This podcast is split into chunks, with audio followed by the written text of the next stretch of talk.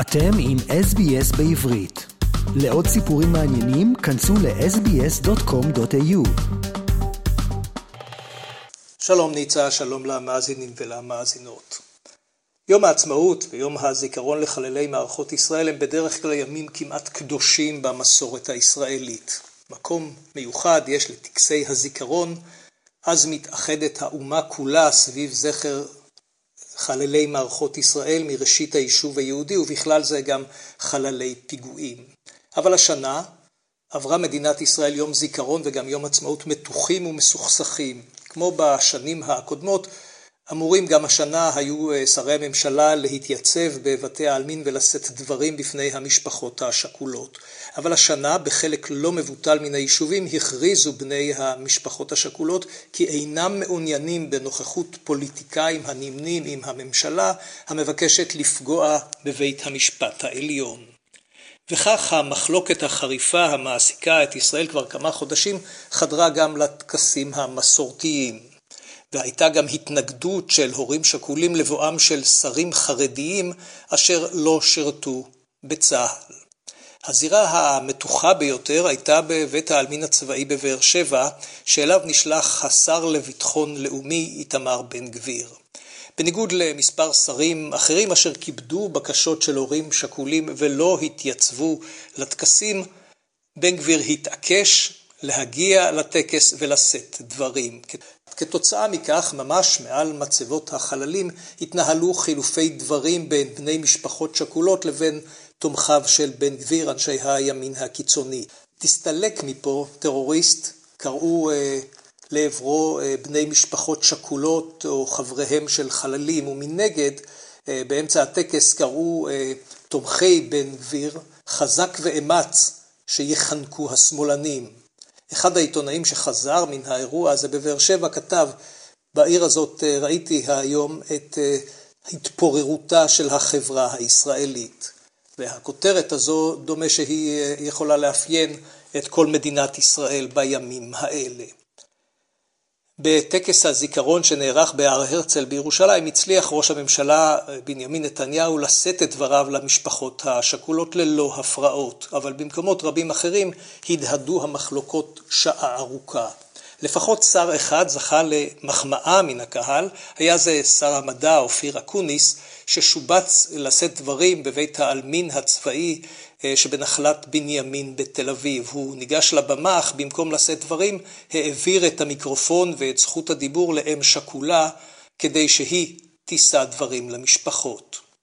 יום העצמאות עצמו עבר אה, כמעט ללא תקלות מן הסוג הזה, אולי קצת נחת לאזרחי מדינת ישראל, אבל לא לאורך זמן, כי במוצאי החג נערכה בירושלים עצרת רבת משתתפים, אשר אורגנה על ידי המפלגות התומכות בתוכנית לצמצם באופן משמעותי את סמכויות בית המשפט העליון, ובעיקר את סמכות בג"ץ. הדמות הבולטת ביותר הייתה זו של שר המשפטים, יריב לוין, שר המשפטים בממשלת נתניהו.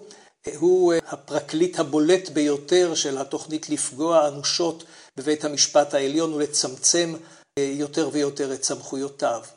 אה, מול קהל עצום הבטיח לוין שהוא איננו מתכוון לחדול מן ביצוע התוכנית והיוזמה הזאת שתשנה את פניה של מדינת ישראל. ברוח דומה נשמעו דברים של עוד אישים בכירים מן הימין. בניגוד למתנגדי הרפורמה מקיימים כבר אה, חודשים רבים עצרות ומצעדים במאמץ לסכל את הפגיעה האנושה בבית המשפט העליון, עצרת הימין הייתה יוצאת דופן. פרשנים ומומחים העריכו אה, כי זו אורגנה משתי סיבות. האחת כדי להוכיח לציבור בישראל כי לא רק מתנגדי הרפורמה השלטונית מסוגלים לצאת לרחובות וגם לממשלה אה, יש בציבור בישראל אה, תומכים רבים בתוכניתה. הסיבה השנייה, כך מעריכים הפרשנים, משמעותית יותר, היא נועדה להפעיל לחץ בעיקר על אדם אחד, על ראש הממשלה בנימין נתניהו, כדי שלא ייכנע לקריאות מבית הנשיא ומגורמים אחרים להגיע לפשרה כלשהי בכל הקשור למהפכה המשפטית. הם יודעים כי נתניהו נמצא בלחצים עצומים מצד אנשי כלכלה בעיקר, וגם חוקרים אה, וגם גורמים בינלאומיים המזהירים את ראש ממשלת ישראל, כי הפגיעה בבית המשפט העליון תפגע קשה מאוד במעמדה הבינלאומי של ישראל. וכך השר לוין ורבים מאנשי הליכוד מנסים גם באמצעות העצרת הגדולה הזו לשכנע את נתניהו שלא להיכנע ולא לפגוע בתוכנית הימין. נתניהו עצמו לא הגיע לכנס הגדול הזה וגם לא חלק משרי ממשלתו. ההערכה היא כי הם מבינים את עומק הנזקים שכבר נגרמו לישראל, לכלכלה הישראלית בשל התוכנית לפגוע בבית המשפט העליון. הם יודעים כי רוב ידידיה של ישראל בוושינגטון מתנגדים בתוקף לתוכנית הזו. עובדה היא שכבר חלפו חודשים מאז הוקמה הממשלה, ונשיא ארצות הברית ג'ו ביידן טרם הזמין את ראש ממשלת ישראל לביקור בבית הלבן.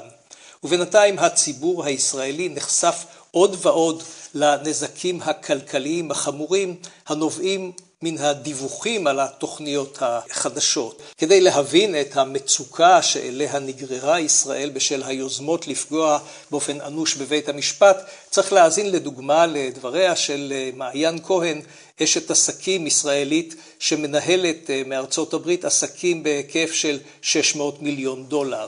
ההייטק הישראלי, כך אמרה לעיתון דה מרקר, נמצא בחודשים האחרונים בעמדת נחיתות. יש ירידה בהשקעות על רקע ההפיכה המשפטית. כל המשקיעים אומרים לנו שהם רואים את ההחלטה של ישראל אה, לפגוע בבית המשפט כמהלך מסוכן מאוד. תגובת הממשלה בישראל לסיטואציה הזאת יוצרת נזק כלכלי עצום, היא אומרת. בשיחות עם משקיעים אמריקאים הם מאלצים אותה להקדיש 50 דקות מתוך שעה אה, כדי להבין מה קורה בישראל. התדמית של ישראל, היא אומרת, והתגובות של ממשלת נתניהו יוצרות נזק כלכלי עצום. והיא איננה היחידה שמדווחת על נזקים חמורים כאלה לכלכלה הישראלית שפרחה עד לפני חודשים אחדים. ראש הממשלה לשעבר, אהוד ברק, התייחס למציאות הזאת במאמר שפרסם ערב יום העצמאות בעיתון הארץ. פחות משלושים יום מאז הקמת הממשלה אנחנו רואים השמדת ערך כלכלי חסרת תקדים, אשר קשה מאוד יהיה לתקן אותה, אמר אה, אהוד ברק. המצב הביטחוני מתערער ואויבינו מחככים את ידיהם בהנאה. במצב של אפס משילות הטרור והפשיעה גוברים ועוד ועוד. ובינתיים הכנסת חוזרת לפעול, אך אה, ככל הנראה היא לא תעסוק בשבועות הקרובים בחקיקה הנוגעת לבית המשפט העליון, אלא בעניין דחוף יותר, אישור תקציב המדינה. גם בעניין זה יש מחלוקות רבות בשורה ארוכה של נושאים, ובינתיים המגעים בעניין השינויים בבית המשפט העליון יימשכו בבית הנשיא, בניסיון להגיע לפשרה כלשהי שתכלול רק חלק מן הדרישות של השר לוין וחלק משותפיו בליכוד. ובזמן הזה אולי יחול שינוי כלשהו בהמשך משפטו הפלילי של ראש הממשלה בנימין נתניהו, הנאשם כזכור בשוחד, מרמה והפרת אמונים. מדברים עכשיו על אפשרות של גישור פלילי, מהלך מסוג אחר שיחליף את הכרעת בית המשפט. אבל בכל מקרה, גם עניין כזה יכול למשוך עוד זמן רב. עד כאן רפי מן המשדר לרדיו SBS בעברית מירושלים. רוצים לשמוע עוד סיפורים?